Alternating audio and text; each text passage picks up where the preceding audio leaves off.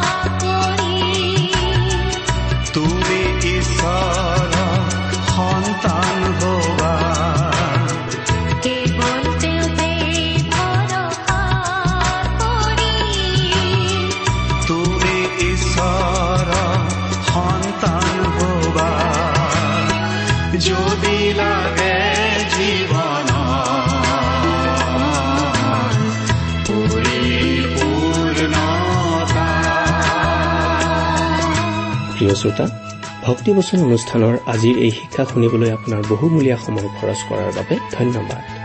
আপুনি খৰচ কৰা এই সময়খিনিত আপুনি জীৱনৰ এক বিশেষ আশীৰ্বাদ লাভ কৰিব বুলি বিশ্বাস কৰোঁ আজিৰ এই অনুষ্ঠানে নিশ্চয় আপোনাক জীৱনৰ তৃপ্তি দান কৰিব। এই অনুষ্ঠানৰ শিক্ষাসমূহে আপোনাক আত্মিক আৰু পাৰিবাৰিক সকলো অৱস্থাতেই সহায় কৰিব বুলি আশা কৰিছো। আমাৰ বিশ্বাস প্ৰভু যীশুৰ বাণীসমূহে আপোনাক প্ৰচুৰ জীৱনৰ সোৱাদ দিব পাৰে। তেওঁৰ বাক্যই আপোনাক জীৱনৰ সকলো পৰিস্থিতিত থিৰে থাকিবলৈ আৰু উন্নতিৰ পথেৰে অগ্ৰসৰ হবলৈ সহায় কৰিব। ঈশ্বৰৰ এই বাক্যৰে আপুনি যেন প্ৰতিদিন আত্মিকভাৱে অধিক বলৱান আৰু পাৰিবাৰিক শান্তিৰে জীৱন যাপন কৰিব পাৰে তাৰেই কামনা কৰিছো। এই কামনাৰে আপোনালৈ আগবঢ়াইছো বাইবেলৰ শিক্ষামূলক অনুষ্ঠান ভক্তিবচন। পুৰণি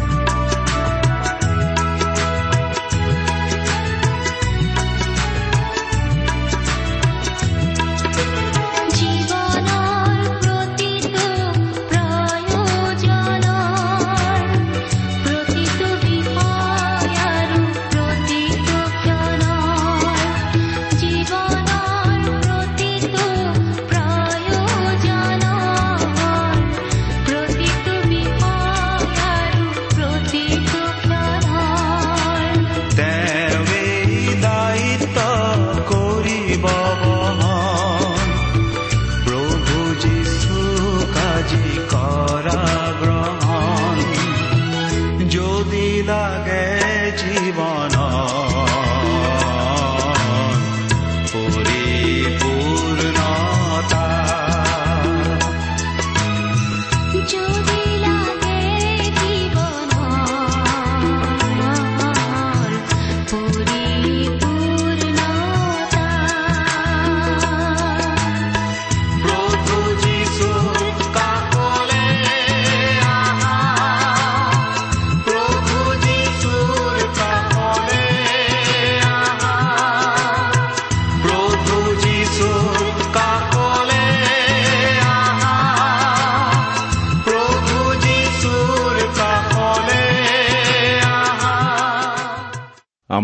পবিত্ৰ প্ৰভু যীশুখ্ৰীষ্টৰ নামত নমস্কাৰ প্ৰিয় শ্ৰোতা।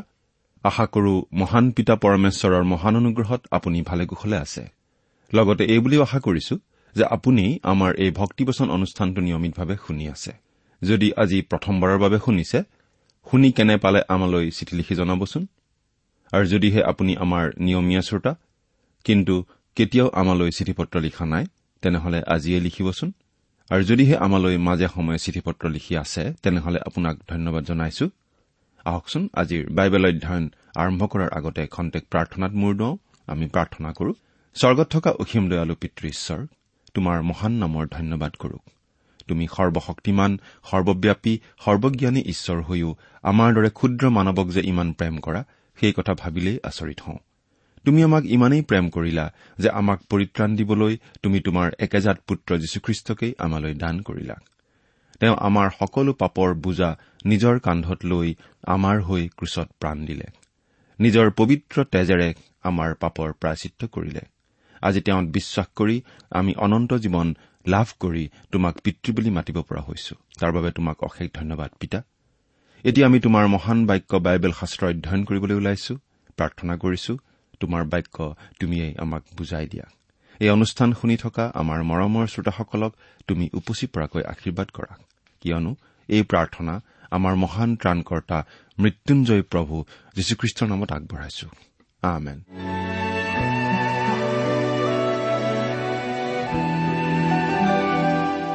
প্ৰিয় শ্ৰোতা আপুনি নিশ্চয় জানে যে আমি ইয়াৰ আগৰটো অধ্যয়নৰে পৰা চলোমনৰ পৰম গীত পুস্তকখন অধ্যয়ন কৰিবলৈ লৈছো। প্ৰথমটো অধ্যয়নত আমি এই পৰম গীত পুস্তকখনৰ পাতনি কথাখিনিহে চাইছিলো।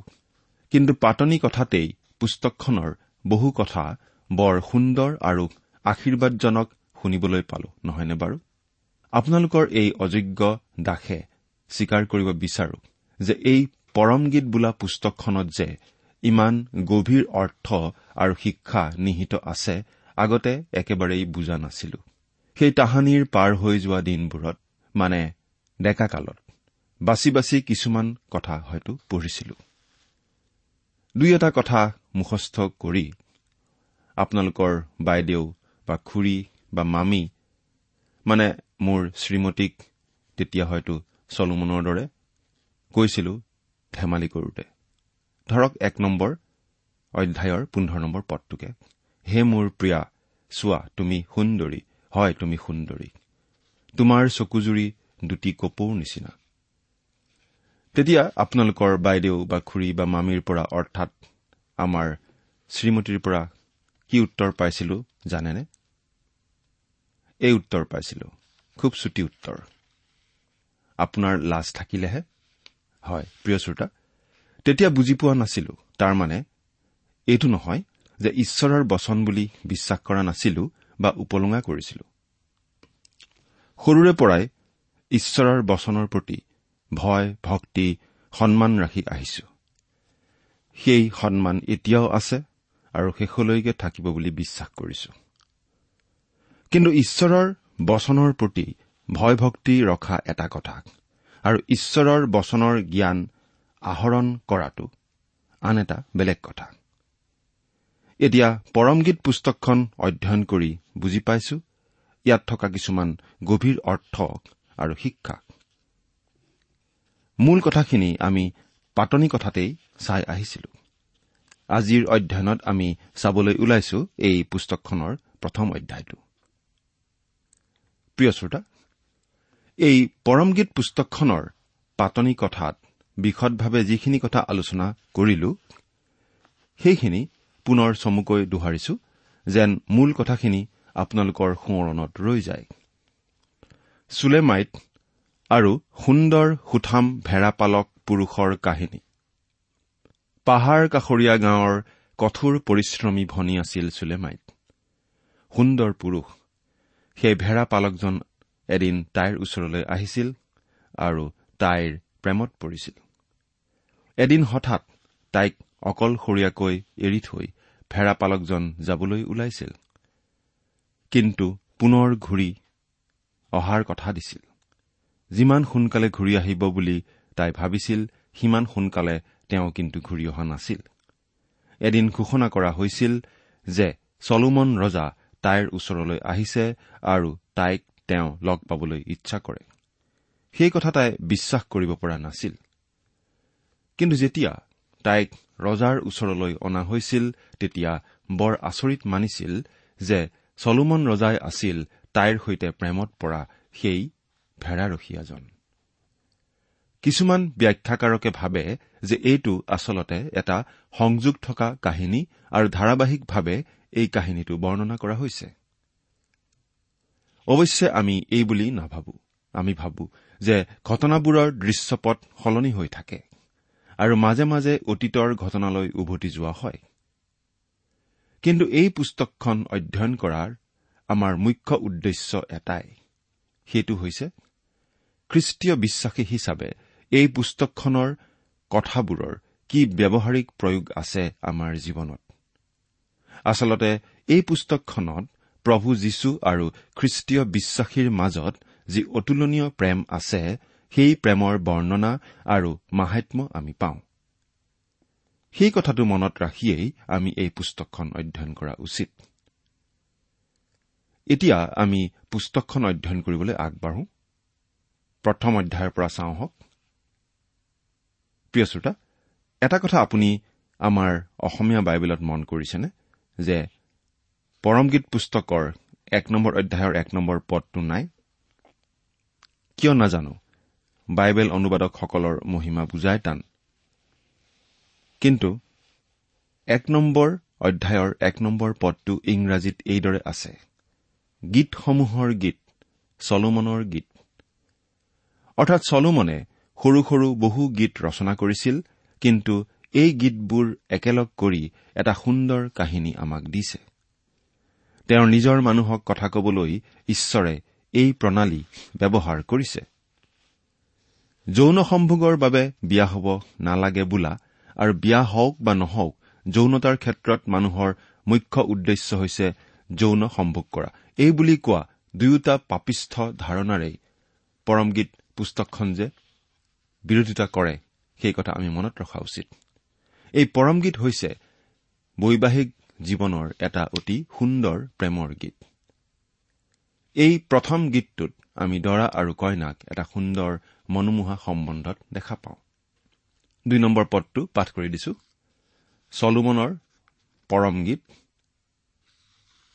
প্ৰথম অধ্যায়ৰ দুই নম্বৰ পদ। তেওঁ নিজৰ মুখৰ চুমা কেইটামানেৰে মোক চুমা খাওক। কিয়নো তোমাৰ প্ৰেম দ্ৰাক্ষাৰসতকৈও উত্তম। এই প্ৰথম গীতটোত আমি দৰা আৰু কন্যাগৰাকীক একেলগে বৰ সুন্দৰ সম্বন্ধত দেখা পাইছো। তেতিয়াৰ দিনত চুমা আছিল শান্তিৰ প্ৰতীক। চলোমন বোলা নামটোৰ অৰ্থই আছিল শান্তি। সেই শান্তিৰাজ আছিল আৰু শান্তিৰ নগৰ জিৰচালেমত ৰাজত্ব কৰিছিল। চুলেমাইতো শান্তিৰেই জীয়ৰী আছিল। চুমাই সুন্দৰ আৰু ব্যক্তিগত সম্বন্ধৰ প্ৰমাণ প্ৰকাশ কৰে। তেনেকুৱা সম্বন্ধ প্ৰভু যীশু আৰু বিশ্বাসকাৰীসকলৰ মাজতো থাকিব লাগে। কাৰণ তেনে সম্বন্ধত থাকিলে প্ৰভুৱে তেওঁৰ বচনৰ জৰিয়তে তেওঁ আমাক কবলগীয়া সকলো কথা কব পাৰে।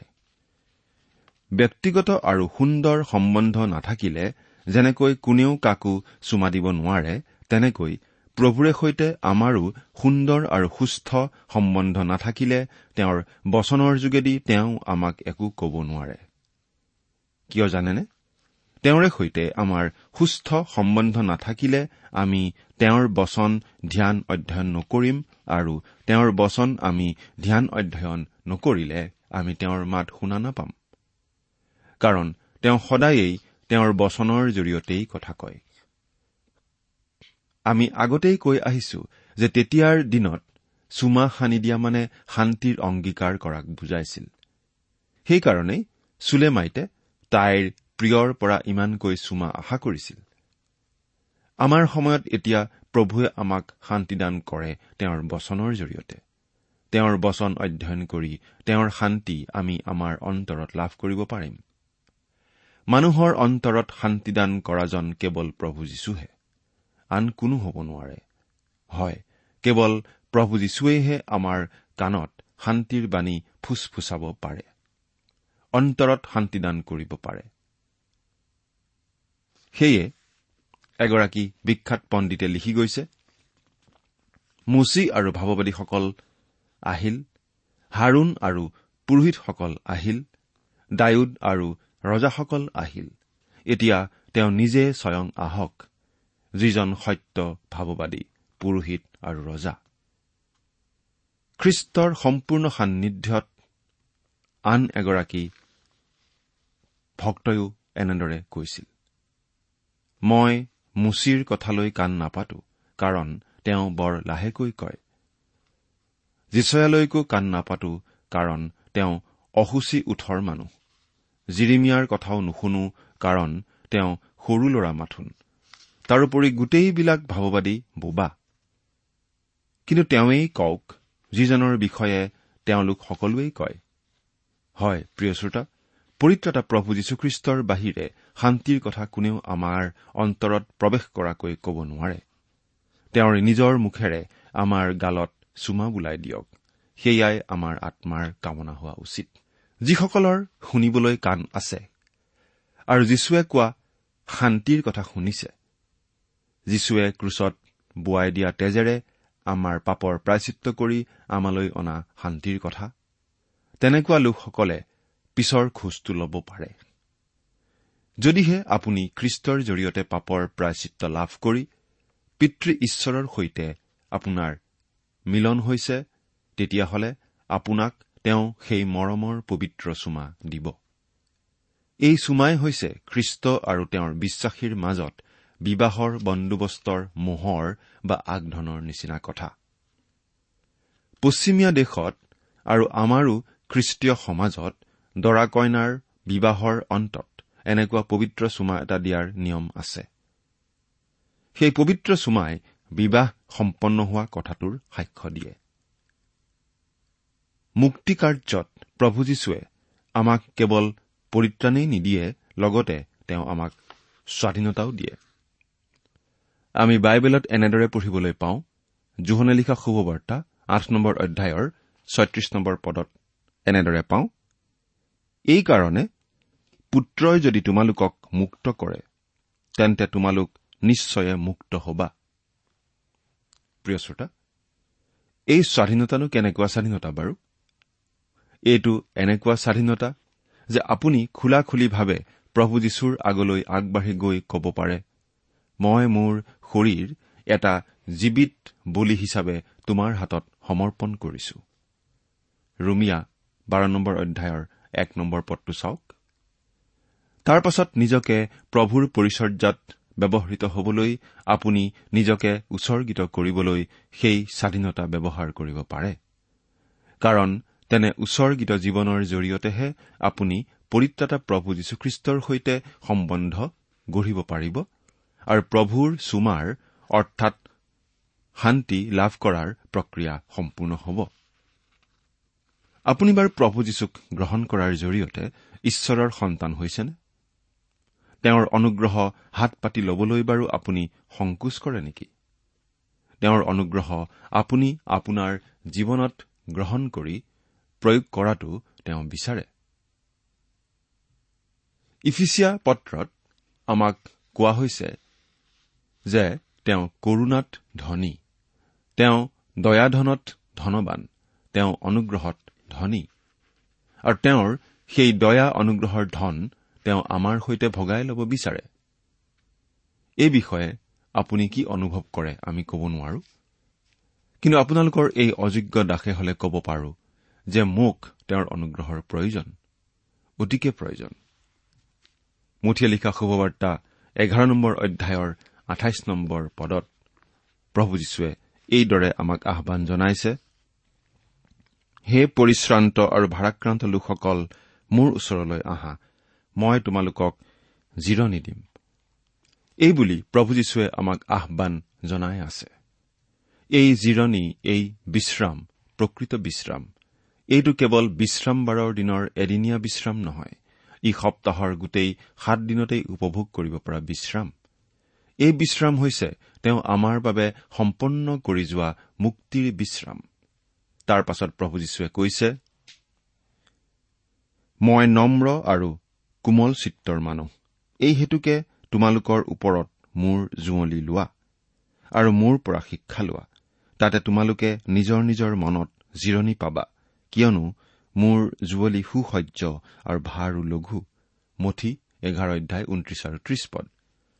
তেওঁৰ সৈতে জুঁৱলীৰ একেলগে বন্ধনত বন্ধা হোৱাটো এটা সুন্দৰ গৌৰৱময় অভিজ্ঞতা। এটা মধুৰ সম্বন্ধ। আৰু আপোনাৰ মোৰ ভাৰ তেওঁৱেই কঢ়িয়ায়। তাৰ পাছত আকৌ পদটোত কোৱা হৈছে কিয়নো তোমাৰ প্ৰেম দ্ৰাক্ষাৰসতকৈ উত্তম। প্ৰিয় শ্ৰোতা তেতিয়াৰ দিনত দ্ৰাক্ষাৰসৰ আদৰ আৰু ব্যৱহাৰ সকলোৰে ওপৰত আছিল। সকলো উত্তম ধৰণৰ ভোজত দ্ৰাক্ষাৰসেই এক নম্বৰ খাদ্য সম্ভাৰ আছিল। ই আছিল শাৰীৰিক উপলব্ধি আৰু মানসিক আনন্দৰ আহাৰ। গতিকে দ্ৰাক্ষাৰসৰ আদৰ আছিল বৰ উচ্চ। কিন্তু মানৱ অন্তৰে কেৱল ক্ষণস্থায়ী উপলব্ধি আৰু আনন্দকেই আশা নকৰে। সেয়ে প্ৰিয়জনৰ স্থায়ী প্ৰেমৰ ৰস পান কৰি স্থায়ী সন্তুষ্টি লাভৰ আশাৰে প্ৰিয়জনলৈ বাট চাই থাকে উত্তপ্ত উৎকণ্ঠাৰে। সেইবাবেই দ্ৰাক্ষাৰসতকৈ প্ৰেম উত্তম। আমাৰ প্ৰিয়জন কোন? প্ৰভু যীশুখ্ৰীষ্টই আমাৰ প্ৰিয়জন। তেওঁৰ প্ৰেমৰ তুলনা নাই। মানুহে দ্ৰাক্ষাৰস বা সুৰাৰ দ্বাৰা মতলীয়া হৈ আনন্দ লাভ কৰিব পাৰিব বুলি ভাবে কিন্তু পাচনি পৌলে এইদৰে লিখিছিল ইফিচিয়া পাঁচ নম্বৰ অধ্যায়ৰ ওঠৰ নম্বৰ পদত। আৰু দ্ৰাক্ষাৰসেৰে মতলীয়া নহবা কিয়নো তাত নষ্টামী আছে কিন্তু আত্মাৰে পৰিপূৰ্ণ হোৱা। আমি পবিত্ৰ আত্মাৰে পূৰ্ণ হলেহে প্ৰভু যীশুৰ সৈতে সম্বন্ধ স্থাপন কৰি তেওঁৰ সৈতে সহভাগিতা উপভোগ কৰাৰ যি উত্তেজনা যি আমেজ যি আনন্দ সেইবোৰৰ সোৱাদ পাব পাৰিম। প্ৰিয় শ্ৰোতা আমি আচলতে এনেকুৱা এটা বিষয় আলোচনা কৰি আছো যিটো আমি ভালদৰে আচলতে কোনেও নাজানো যিটোৰ অভিজ্ঞতা আচলতে ভালদৰে আমাৰ কাৰো নাই।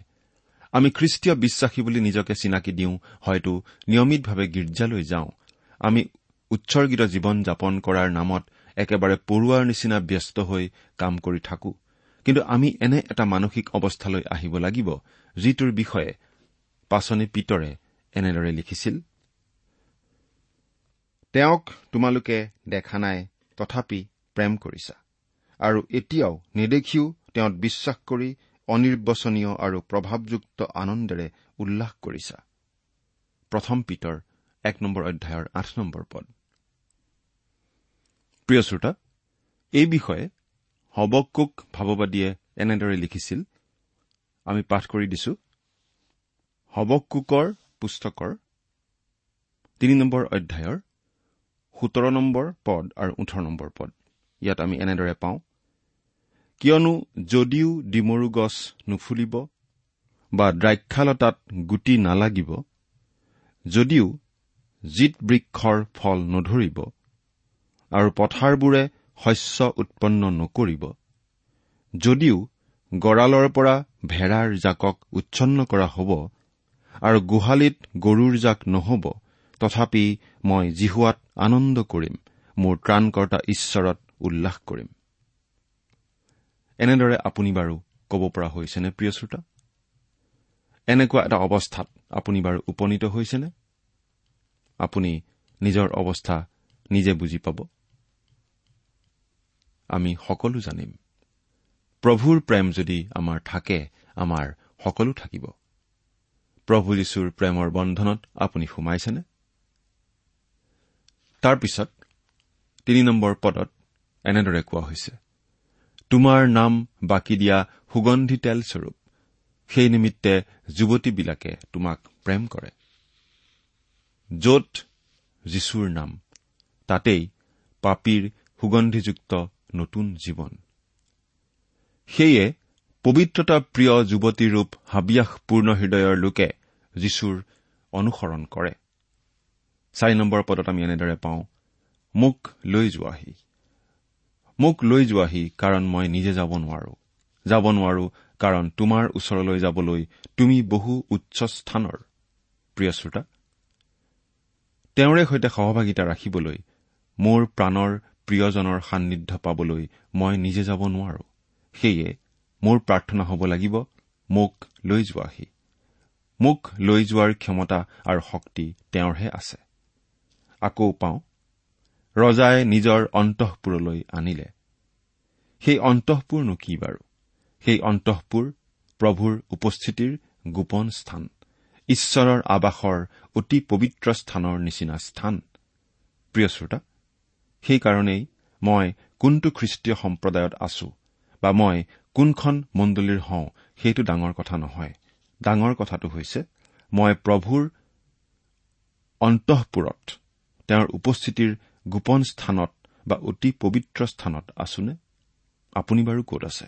চিন্তা কৰি চাওকচোন। ঈশ্বৰে আপোনাক আশীৰ্বাদ কৰক।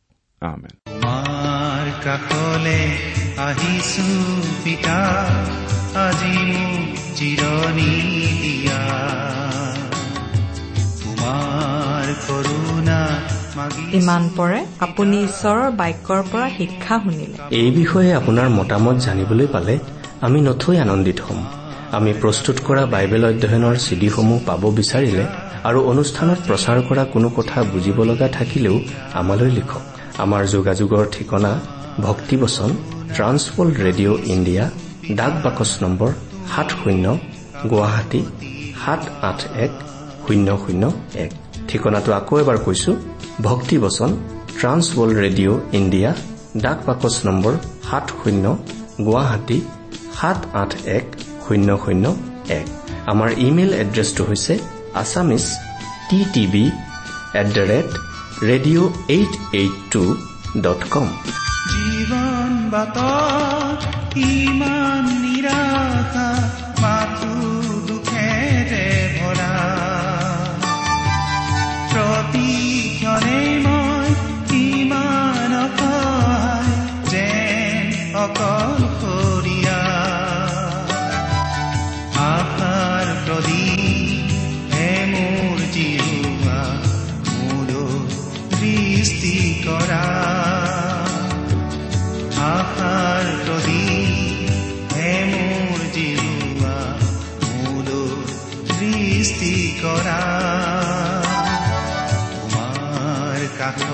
আমাৰ website W W W dot T W R dot in আপুনি টেলিফোনৰ মাধ্যমেৰেও আমাক যোগাযোগ কৰিব পাৰে। আমাৰ টেলিফোন নম্বৰটো হৈছে nine eight five four zero' four zero' eight eight nine. Phone নম্বৰটো আকৌ এবাৰ কৈছো ন আঠ পাঁচ চাৰি শূন্য চাৰি শূন্য আঠ আঠ ন। আপুনি এই ভক্তিবচন অনুষ্ঠানটি আমাৰ website W W W dot radio' eight eight two dot কমতো শুনিব পাৰিব। আজিৰ অনুষ্ঠানটি ইমানতে সামৰিছো। ঈশ্বৰৰ শান্তি আৰু অনুগ্ৰহ আপোনাৰ লগত থাকক। ধন্যবাদ। মোৰে জীৱন আজি সপিলো যিছু তোমাৰে কাষ প্ৰতিশ্ৰুতি মোৰ তোমাৰ চৰণত। চলিম তোমাৰে পথ। মাথো আজি তোমাৰ প্ৰেমেৰে জীৱন পূৰ্ণ কৰা। মাথো আজি তোমাৰ প্ৰেমেৰে জীৱন পূৰ্ণ কৰা। তোমাৰ কাষলে আহিছো পিতা আজি মোক জিৰণি দিয়া। তোমাৰ কৰোণা মাগিছো পিতা তুমি মোক সাৱতি লোৱা তোমাৰ কাষলে আহিছো পিতা আজি মোক জিৰণি দিয়া। কৰোণা মাগিছো পিতা তুমি মোক সাৱতি লোৱা তুমি মোক জিৰণি দিয়া। তুমি মোক সাৱতি লোৱা